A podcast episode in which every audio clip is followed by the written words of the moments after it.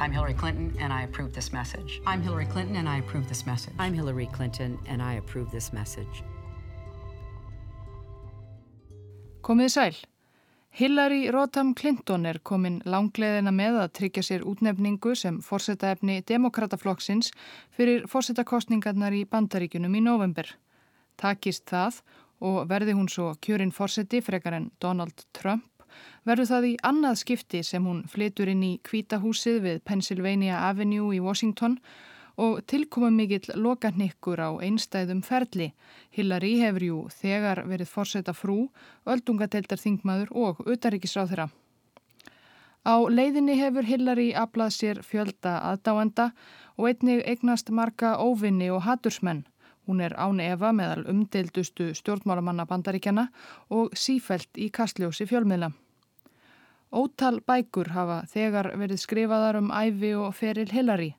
Á Wikipedia er sérstök grein bara um æfisugur Hillary og hjálpsamur netvergi hefur tekið að sér að leiðbeina hinn um ráðviltu með því að raða bókunum eftir því hvort þær eru með eða á móti viðfangsefninu, það er Hillary Clinton, eða að mestu hlutlausar eins og það er orðað.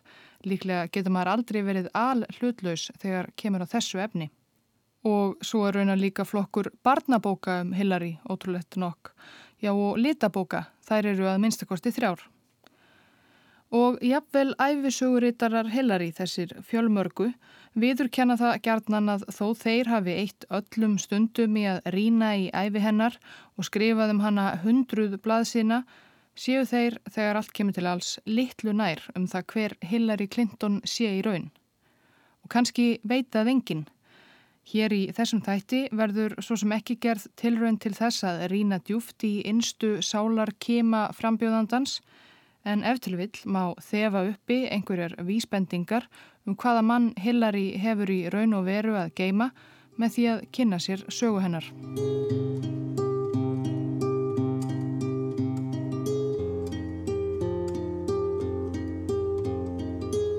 Hillary hefur sjálf skrifað að engin einu manneska hafi haft jafn mikil áhrif á hana og mótað hana í þá mannesku sem hún er í dag en um móðir hennar, Dorothy Howell Rotham.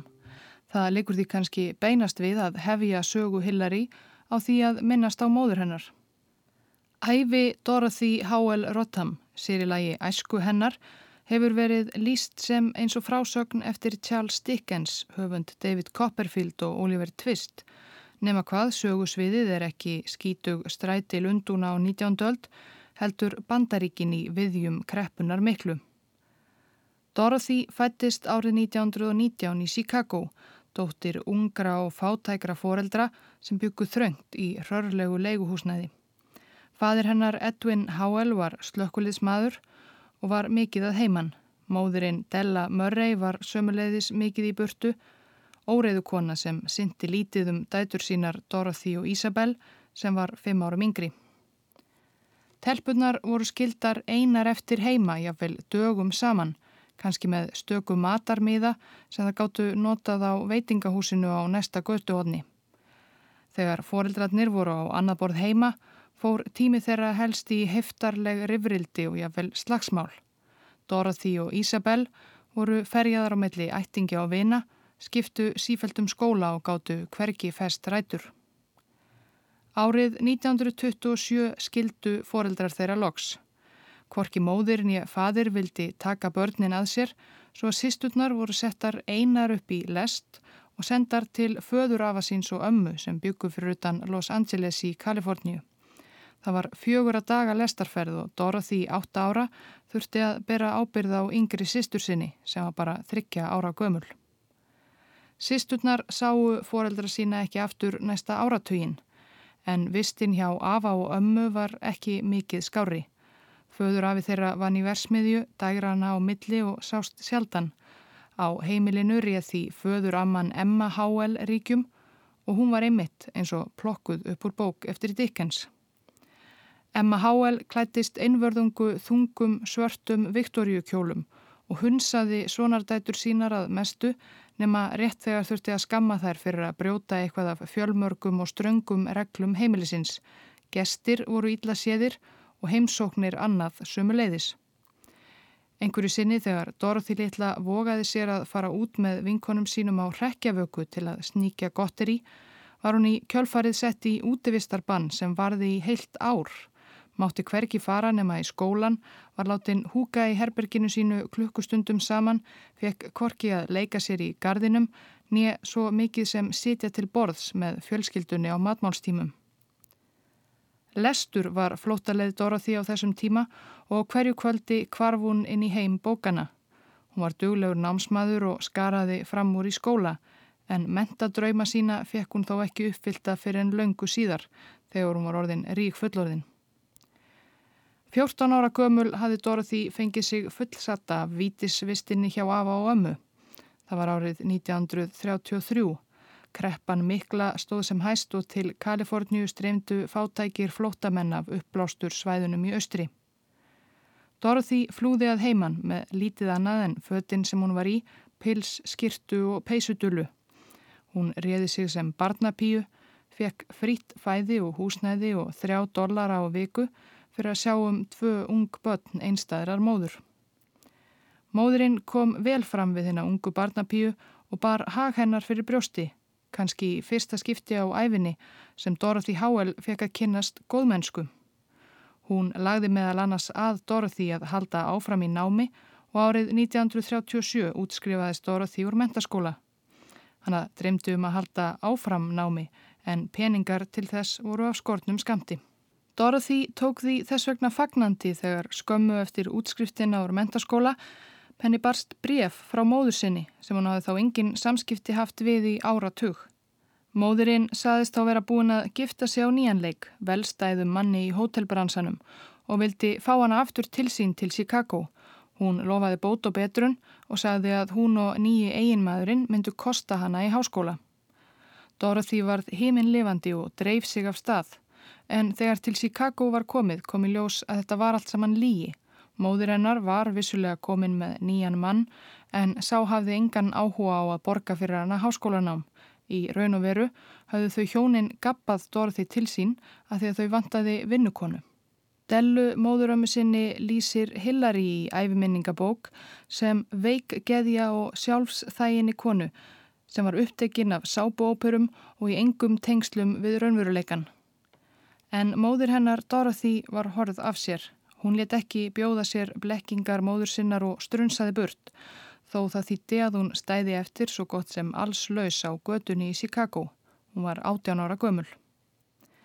Að lokum tókst Dorothy að finna sér íbúðarkitru að leia og næstu árin vann hún Ímis Ítla Borguð skrifstofustörf til að hafa í sig og á og við eitt slíkt starf kynntist hún farandsölumanninum Hugh Ellsworth Rotham og þau giftu sig 1942. Ms. Rodham was a remarkable person. Anybody who knows her history uh, knows uh, what uh, a strong, determined, and gifted person she was. Þegar Dorothy Rotham lést í Hári Elli 1. november 2011 rataði þá síður helstu stórblaða bandaríkjana en það var hún þá bæðið móðir þáverandi utaríkisráð þeirra og tengdamóðir fyrverandi fórseta. Eflaust grunaði hana ekki í mesta svartnættinu í æsku að á fullorðins árum ætti hún eftir að verða tíður gestur í kvítahúsinu og sitjandi fórseti Barack Obama myndist hennar einnig sérstaklega. For her to have been able to uh, live the life that she did and to see her daughter succeed at the pinnacle of public service in this country, I'm sure was deeply satisfying to her and I know that she will uh, be remembered as, as somebody who uh, helped make a difference uh, in this country and this world. Frú Rotham var mögnuð manneskja. Hver sá sem þekkir sögu hennar veit hversu sterk, staðföst og hæfileikarík hún var. Að hún hafi lefað þessu lífi og geta svo fylst með dóttur sinni ná hátindi almenningstjónustu í þessu landi hefur er ég vissum verið henni mjög ánægulegt. Og ég veit að hennar verður minnst sem mannesku sem skipti máli hér á landi og fyrir allan heiminn. Eftir fimm ára hjónaband eignuðust Hugh og Dorothy Rotham dóttur þann 27. oktober 1947. Dótturinn fekk nafnið Hillary Diane. Dorothy Rotham sagði síðar að hún hefði valið nafnið Hillary því það hljómaði óvenjulegt og framandi eins og það gæti bæði verið for eða eftirnafn. Hillary sjálf held í lengi fram af einhverjum ástæðum að hún var í skýrði höfuðið á Sir Edmund Hillary sem kleif á samt Tenzing Norgay Everestfjall fyrstur manna. En þessi staðhæfing stendst ekki nokkra skoðun. Sir Edmund og Tenzing komist á topp Everest árið 1953 þegar Hillary Rodham var 6 ára gömul og fyrir þann tíma var Sir Edmund næsta óþektur utan heimaland síns Nýjasjálands þar sem hann vann sem bíflugnabóndi. Það er eftir vil lýsandi fyrir það hversu umdelt Hillary er og hversu erfitt það getur verið að henda reyður á því hver hinn raunverulega Hillary Clinton eiginlega er að það ríkir varla sátt um það hvað hún yfirleitt heitir. Eftir að hún giftist Bill Clinton held hún sínu eftir nafni var áfram Hillary Rodham. Það var eitthvað sem hún hafði ákveðið strax sem ung stúlka, sagði hún, að halda áfram að vera sjálfstæð persóna þrátt fyrir hjónabandið. En nokkrum árum síðar, þegar eigin maðurinn fór að skipta sér af pólitík í heimaríki sínu innu Suðlæga Arkansas og bauð sig þar fram til ríkistjóra, Þá var hann alltaf í norðin frú Clinton. Hvers vegna hafði hún skipt um skoðun, spurði einhver. Nei, ég hef alls ekki skipt um skoðun, svaraði Hillary. Ég hef alltaf verið frú Clinton, þó ég hafi notað Rotham-nafnið áfram í vinnunni. Og Hillary var áfram frú Clinton allt fram til ásins 1993 þegar þau hjónin fluttu inn í kvítahúsið. Þá byrjaði hún að kynna sig með báðumnöfnum, Hillary Rotham Clinton. Þessi breyting vakti auðvitað aðtegli bandarísku pressunar sem spurði út í málið. Nei, nei, nei, nei, nei. Þetta var alls ekki neinn breyting heldur, svaraði fjölmiðla fulltrúi fórsetafrúarinnar þá. Hún hefur alltaf heitið Hillary Rodham Clinton.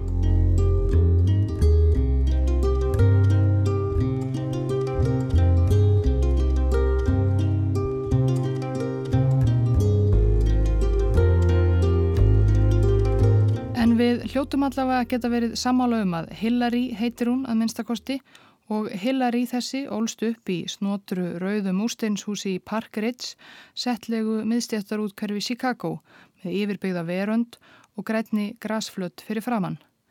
En ákveðnum skugga á þessa bandarísku útkverfa sælu varpaði fadir hennar, farandsölumadurinn Hugh Rotham. Honum lýsir æfisugurittari Hillary Carl Bernstein í bókinni A Woman in Charge sem ströngum, önugum, áreitnum og dónarlegum. Hann hafi korki líft konu sinnin í börnunum þremur við miskunarlausri meinhæðni og mannvonsku, hann niðurlægði eiginkonu sína og nýtti stöðugt og beitti börnin líkamlegum refsingum þó að Kvorki Hillary nýja yngri bræður hennar hafi mikið vilja tjá sig um í hverju þær refsingar fólust og hversu harðar þær voru. Í heimstyrjöldinni hafi Hugh Rodham verið undirfóringi í sjóhernum, vegna nýjameðsla fór hann aldrei á Vígvöllin en var þessi stað settur í að þjálfa sjóliða heima í Illinois. Hann var sjóliðunum harður húsbóndi og eftir stríðslokk beitti hann svipuðum heraga heima í Park Ridge. Ef börnin glemdu að skrúa lokið á tankremstúpuna tók fadir þeirra lokið og flegði því út um baðherbergislukkan út í snjóin í gardinum. Svo áttu börnin einfallega að hipja sig út á náttfötunum og róta í snjónum eftir túpulokinu. Þegar Hillary stóð sig ekki nóg vel í reikningi í nýjóra bekk, vakti fadirinnar hana við sólar uppbrás á hverjum degi til að hlýða henni yfir markvöldunatöfluna og milli foreldra Hillary voru litlir sem engir kærleikar. Það duldist engum sem heimsótti fjölskylduheimilið í Park Ridge. Dorothy, móðir Hillary, fór heldur ekkert sérlega lengt með að henni gramtist meðferðin sem hún sætti af hendi einmannsins. Vinir Hillary furðuðu sig flestir á því sama. Af hverju skildi Dorothy ekki bara við þennan ömurlega mannsinn? Skýringin var að Dorothy Howell Rotham vildi ekki skilja. Hún trúði ekki á skilnað. Það var einfallega ekki kostur. Engin í hennar fjölskyldu gerði slíkt. Öllum hjónaböndum væri hægt að retta einhvern veginn.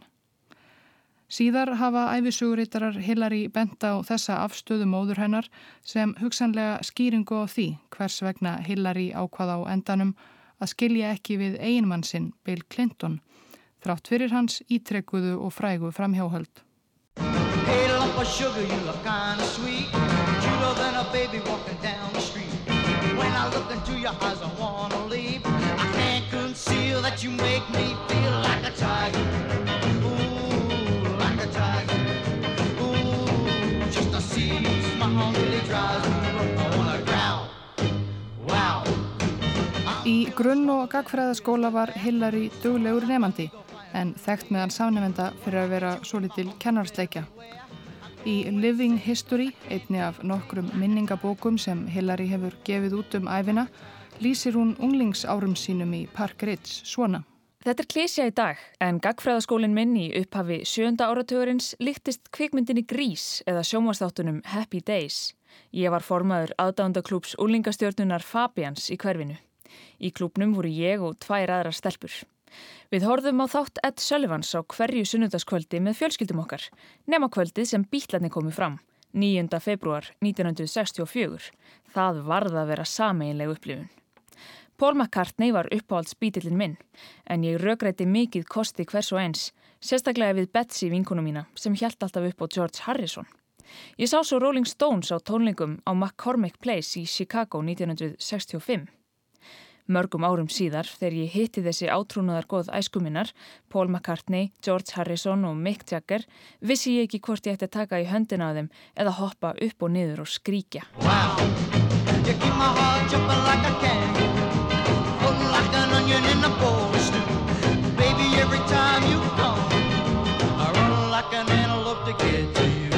Aðdáðandaklúpur Fabians voru þó ekki einu félagsstörfin sem Hillary syndi á unglingsárum. Hún tók þátt í kirkjustarfi, var skáti og eitt sinn bauð hún sig fram til forsetta nefendar á skakfræðaskólans en beiðavísu ósigur. Og hún var líka í félagi ungra republikana í hverfinu. Líkt og raunin var með flesta í miðstjættar út hverfinu Park Ridge á þessum tíma var Hugh Rotham, fadir Hillary, gallharður republikani Óbifanlegur í þeirri afstöðu sinni, sagði hann sjálfur. Hann hataði verkaliðsfjölög og skatta og hverskins velferðar áætlanir hins opimbera og lagði fæð á demokrata, leitt svertingja á katholika hortnöga og í raun alla sem voru ekki kvítt miðstjættarfólk eins og hann sjálfur. Og hann innrætti börnum sínum þessar skoðanir, svo að Hillary Rotham var republikani frá unga aldri. Extremism in the defense of liberty is no vice. And let me remind you also that moderation in the pursuit of justice is no virtue. In your heart, you know he's right. Vote for Barry Goldwater. Árið 1964, þegar Hillary var 17 ára, vann hún á samt vinkonum sínum sem sjálfbóðaliði fyrir fórsetaframbóð republikanans Barry Goldwater sem bauð sig fram gegn sitjandi fórseta Lyndon B. Johnson og átti reyndar eftir að býða læri hlut. Goldwater, öldugadeildar þingmaður frá Arizona, var í sérstöku uppáhaldi hjá föður Hillary eins og mörgum republikonum á þessum tíma.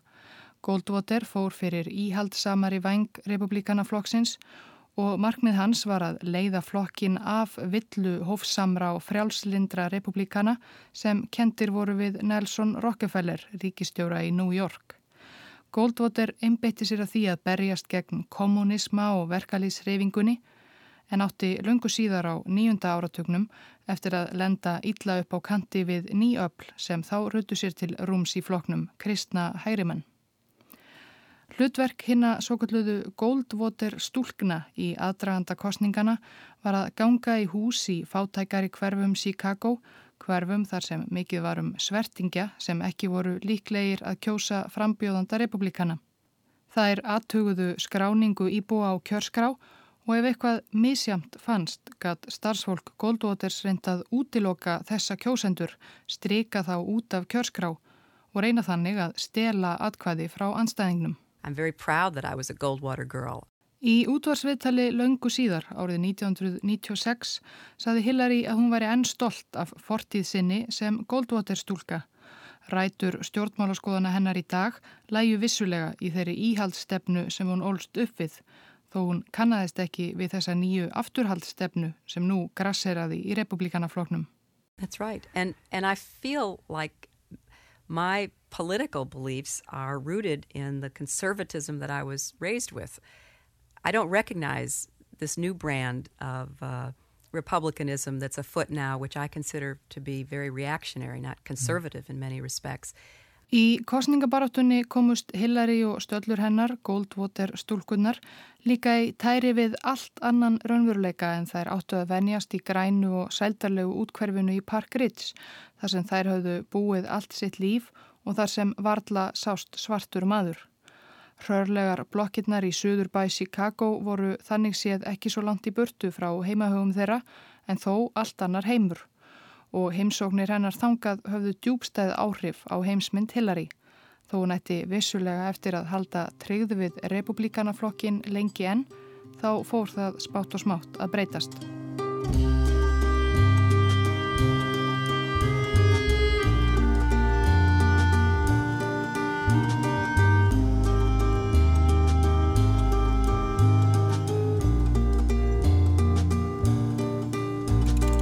Síðsumars 1965 keirðu Rotham hjónin enga dóttur sína nærið þúsund kilometra leið austur til Wellesley, smábæjar vestur af Boston í Massachusetts. Dorothy Rotham grétt alla leiðina því þetta var hveðjustund. Hillary var að hefja nám í háskólanum í bænum Wellesley College.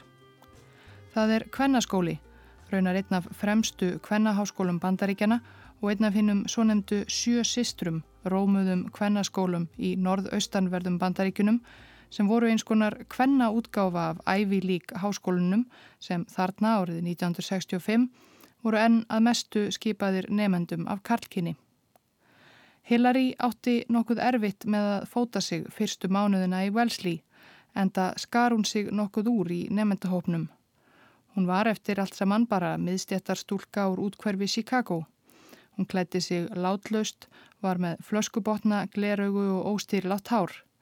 En samnefnendur hennar voru upp til hópa enga skólastúlkur úr fínum og ríkum fjölskyldum, yfirstjættar prinsessur Nýja Englands sem vörðu fríunum í Evrópu eða á Martha's Vineyard. Þetta voru ungar konur á framabraut, þó að svo framabraut hafi kannski litið öllu öðruvísi út í Wellesley College á þessum tíma en við eigum að venjast í dag. Konur sem voru í skólanum um þetta leiti segja að þá hafi það ennverið aðsta markmið margra stúdína að finna sér frambærlegan mann í Harvard eða Yale, gifta sig og eignast gáfuð börn og nota svo háskólamenturina helst til að heitla kvöldverðar bóðskesti með menningarlegum samræðum. En Dorothy Rotham hafði ekki alið dóttur sína upp til þess eins að tróða upp í kvöldverðar eða koktelbóðum Hún hafði ætíð lagt aðdóttur sinni að setja markið hátt og já framt að leggja hart að sér við nám og störf og þá gæti hún náð markmiðum sínum, sama hversu háleit þau væru. Sjálf hafði Dorothy hug á því að dóttir sín yrði hæstaréttardómari. Það var ansi háleit markmið. Kona átti ekki eftir að taka sæti í hæstarétti bandaríkjana fyrir enn 1981. Sjálf setti Hillary litla stefnuna enn hærra lengst af. Í æsku vildi hún eins og ótal börn í bandaríkunum og um heim allan á þessum tíma verða geimfari. Frægur sagan af því, hún segir hana jú oft sjálf, þegar hún var um 14 ára og skrifaði geimferðastofnuninni NASA og baðum upplýsingar um hvernig maður bæri sig að við að sækja um geimfarastarfið. Þegar svar bast svo frá NASA var það stutt. Ekki væri tekið við umsóknum frá hvernfólki. Hillary lagði því geimfaradraumin á hilluna. Um tíma ætlaði hún að verða læknir en áttaði sig fljótt á því að slíkur ferill lirði ekki farsæl fyrir mannesku sem var erfitt með að sjá blóð. Þegar hún loks kom sér fyrir á heimavistinni í Wellesley árið 1965 og hafði kvart hágrátandi móður sína var hún því orðin nemi í stjórnmálafræði.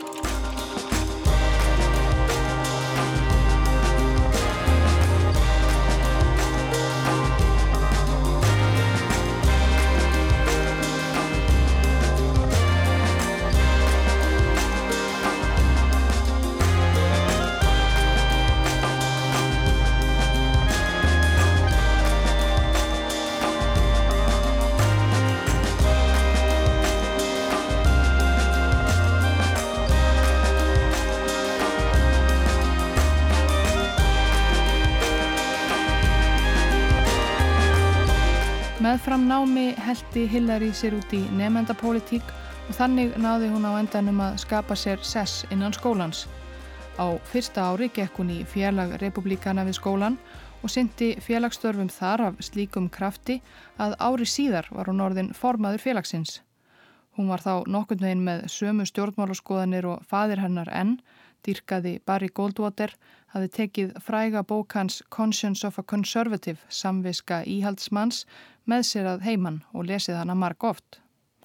En í vændum voru miklir umbróta tímar, ekki síst á lóðum bandarískra háskóla. Strax árið sem hún settist í formannstólinn í Republikana félaginu var hún farin að hafa evasemtir um stefnu flokksins í Ímsu sérstaklega því sem voru mál málana um þessar myndir, Vietnamstríðinu og réttindamálum blökkufólks.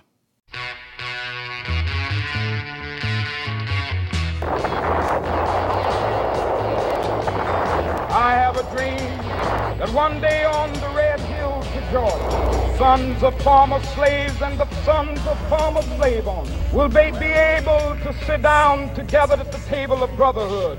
I have a dream. Hillary var farin að lesa New York Times sem hafi ættið verið eitur í beinum föður hennar. Hann tók því ekki vel þegar hún skrifaði honum og greindi frá því hvernig hún færðist smátt og smátt lengra og lengra til vinstri.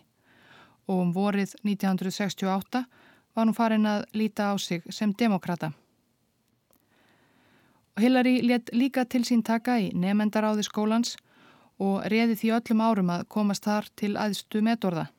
Haustið 68 bauð hún sig fram til formensku í nefndaráðinu og eftir þryggja vikna þrótlausa kostningabaráttu, hún bankaði upp á einhverju einasta herbergi í heimavist skólans til að kynna sig og stefnumál sín, var hún kosin. Wellesley College var ekki undanskilin tíðarandanum sem fór sem eldi brandur um marga bandaríska háskóla á þessum tíma. Þar á meðal þessa fornfrægu skóla í norð-austanverðum bandaríkunum.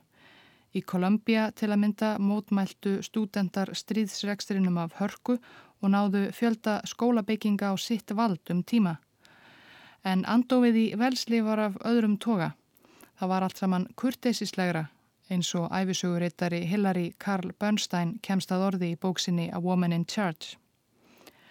Hillary og aðrir leðtógar umbóta sinnaðra nefenda vildu frekar berjast innan kervisins en með mótmælum og ofbeldi og vinna með skólaeyfirvöldum að breytingum. Og það bar sinn árangur. Þegar Hillary hóf nám 1965 var margt forneskjulegt við lífið í Wellesley.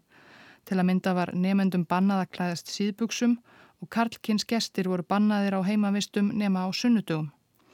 Þegar hún útskrifaðist vorið 69 hafðu báðar þessar reglur verið fældar úr gildi og það sem meira var, skólaeyfirvöld hafðu fallist á kröfur nefenda að taka við fleiri svörtum stúlkum til náms sem og stúlkum af minni efnum og kendir voru sérstakir áfangar um málefni blökkumanna, svo fátt eitt sér nefnt.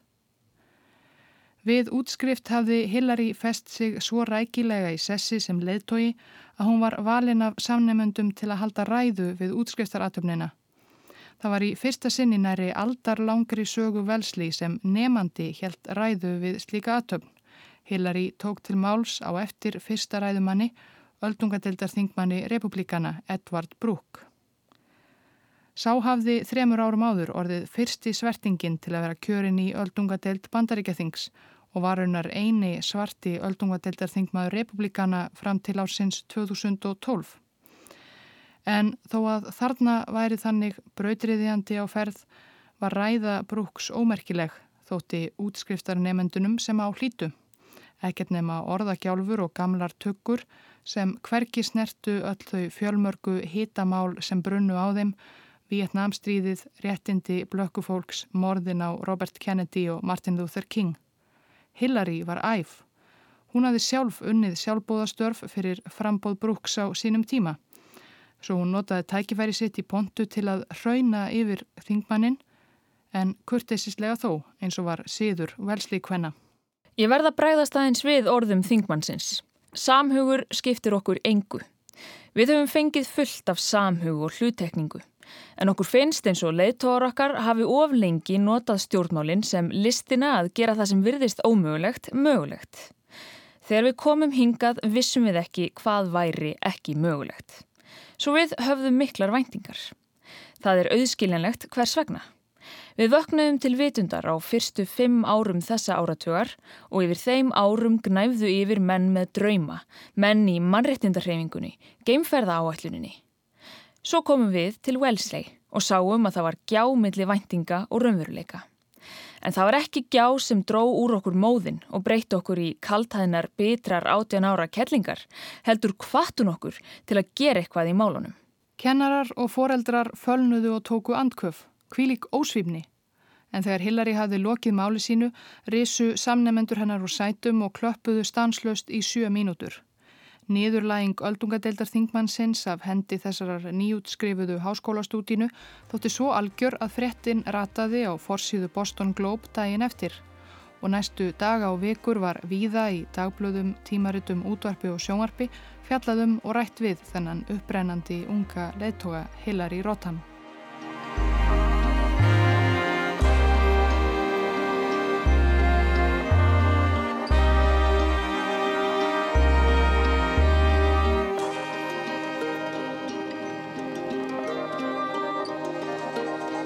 Lokaritt gerð sína í stjórnmálafræðinni skrifaði Hillary um aðferðir baráttumannsins Sol Alinsky sem barðist fyrir bættum kjörum fátækra og svertingja og var frumkvöðull á sviði skipulaðs baráttustars borgara í bandaríkunum. Alinsky er umdeldur í bandaríkunum enn í dag og 24 árum eftir að Hillary skrifaði rittgerðina og fekk fyrir hana hæstu engun þegar Clinton hjónin fluttu í kvítahúsið byrjuðu fræði og bladamenn að spyrjast fyrir um reitgerðina. En fórsetahjónin fóru þá fram á það við Wellesley að reitgerðin er þeir ekki gerð ofinber. Til þess að svo mætti verða setti stjórn háskólans sérstaka reglu að lokaritgerðir sem sitjandi fórsetar eða fórseta frýr hefðu skrifað við skólan skildu ekki vera aðgengilegar almenningi. Auðvitað átti þessi regla aðeins við um Hillary. Byrtingarbannið gerði það verkum að lokarítgerðin tók á sig góðsakna mynd. Andstæðingar Clintonana og hægri væng stjórnmálana töluðu fjálglega um að hún hliti að innihalda eitthvað afar eldfimt, stækan sósialisma eða að minnstakosti líkilinn að henni flóknu personu Hillary og pólitík hennar. Rósettu steitn Hillary fræðana, skrifaði einn pislahöfundur. Fjadrafókið reyndist þó vera að ástæðu lausu. Þegar Bill Clinton steig af fórsetastóli varði reitgerðin aftur aðgengilega á bókasafni Velsleyskólans en þá voru vist allir búinir að gleima þessu gamla deilumáli og engum dætt í hugað spyrja eftir reitgerðinni fyrir en fyrst 2005. Þá reyndist þetta bara vera nokkuð góð reitgerð og að mestu hlutlaus í garð Alinskís og aðferða hans.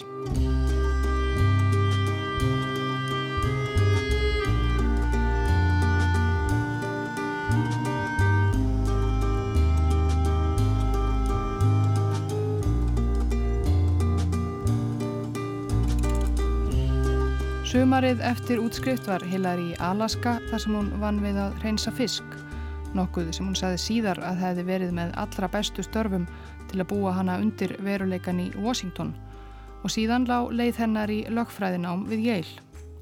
Í hópi 235 nýnema í lögfræðideldinni var hún einn 27 kvenna og var þetta þó metár fyrir konur í deldinni. Hún vakti strax aðtikli í Yale enda frettinnar af ræðu hennar við útskriftaratöfnina í Wellesley en mörgum í fersku minni. Á öðru ári í lögfræðináminu fekk Hillary áhuga á því sem átti eftir að verða hennar sérsvið áður en stjórnmálinn heldtóku hana, réttindi barna fyrir lögum. Í fyrstu fræðigrein hennar í reytríndu tímariti 1973 mælti hún fyrir því að það væri metið á grundvelli hvers máls fyrir sig hvaða lagalegu réttindi börn hefðu en ekki lítið á öll börn sem lagalega vanhæf frá fæðingu til sjálfræðisaldurs. Síðar áttu anstæðingar hennar og einmanns hennar eftir að skrumskjæla þessar skoðanir og haldaði fram að markmið Hillary hefði verið að börn gætu lögsótt fórildra sína fyrir að þurfa að fara út með ruslið. Það var þó allmörgum orðum aukið. Það var svo við lögfræðidelt Yale sem Hillary kynntist samnefnda sínum frá Arkansas einu ári eldri, William Jefferson Clinton, kallaður Bill. Það var erfitt að láta Bill Clinton fara fram hjá sér haustið 1970. Hann kom í lögfræðideildina líkar í vikingi en náunga sem hafi nýlega lókið tveimur árum í Oxford á rótstyrk. Hann var hávaksinn og myndalegur, einhver staðar undir rauðbrúnu skegginu og krulluðum hármakkanum og lífsþrótturinn stafaði frá honum. Þegar ég sá hann fyrst var hann að messa yfir hópi samnefenda. Ég gekk fram hjá og heyrði að hann sagði og ekki bara það heldur rættum við líka stærstu vassmelónur í heimi. Ég spurði vinn minn hver þetta væri. Æ, þetta er Bill Clinton, svaraði hann. Hann er frá Arkansas. Hann talar ekki um annað en þetta. Bill þessi Clinton ætlaði sér að ná pólitískum frama og fór ekki lengt með það, ekki frekar en aðdáðun sína á vassmelunurækt bænda í Arkansas. Hann var komin til Yale að verða sér út um virðulega lögfræðigráðu, svo ætlaði hann aftur heim að láta kjósa sig til einhvers opimbers embættis sem myndi svo endanum knýja hann áfram á leiðsinni í þingkósið í Washingtonborg. Einhver daginn þegar ég satt aftast í skólastofunni hjá professor Emerson kom ég auða á konu sem ég hafði ekki séð áður. Hún var með þygt, dökkljóst hár, glerugu og var ómáluð en hún bar með sér svo mikinn styrk og sjálfstjórn að ég hafði sjaldan séð annað eins, kvorki hjá Karlin ég konu. Bill og Hillary urðu fljótt óaðskiljanleg þó svo að Hillary hafi fyrstu hafnað ítrekkuðum bónorðum Bills Óvísum það hvort hún vildi í raun og veru bindast þessum manni að eilífu því eins og við heyrðum hér fyrir í þættinum þá hafði Hillary fengið að heyra það frá blöytu barsbeini að í Rottamfjölskyldunni skilur maður ekki. Hún rétt þó á endanum undan og eftir útskrift úr lagfræði deild í eil fylgdi hún nýjordnum einmanni sínum söður til Arkansas. Þar tók hann sín fyrstu spór á framabraut stjórnmálana rétt eins og fyrirhugað var. Sú framabraut leti hann svo auðvitað ansi lánt á endanum og alltaf var hann með Hillary sér við hlið sama hvað átundi. Síðar áttu þau hjónin eftir að skipta um stað og nú er það óumdeilanlega Hillary sem er í aðalhutverki en af því verður vonandi tími til að segja betur frá síðar.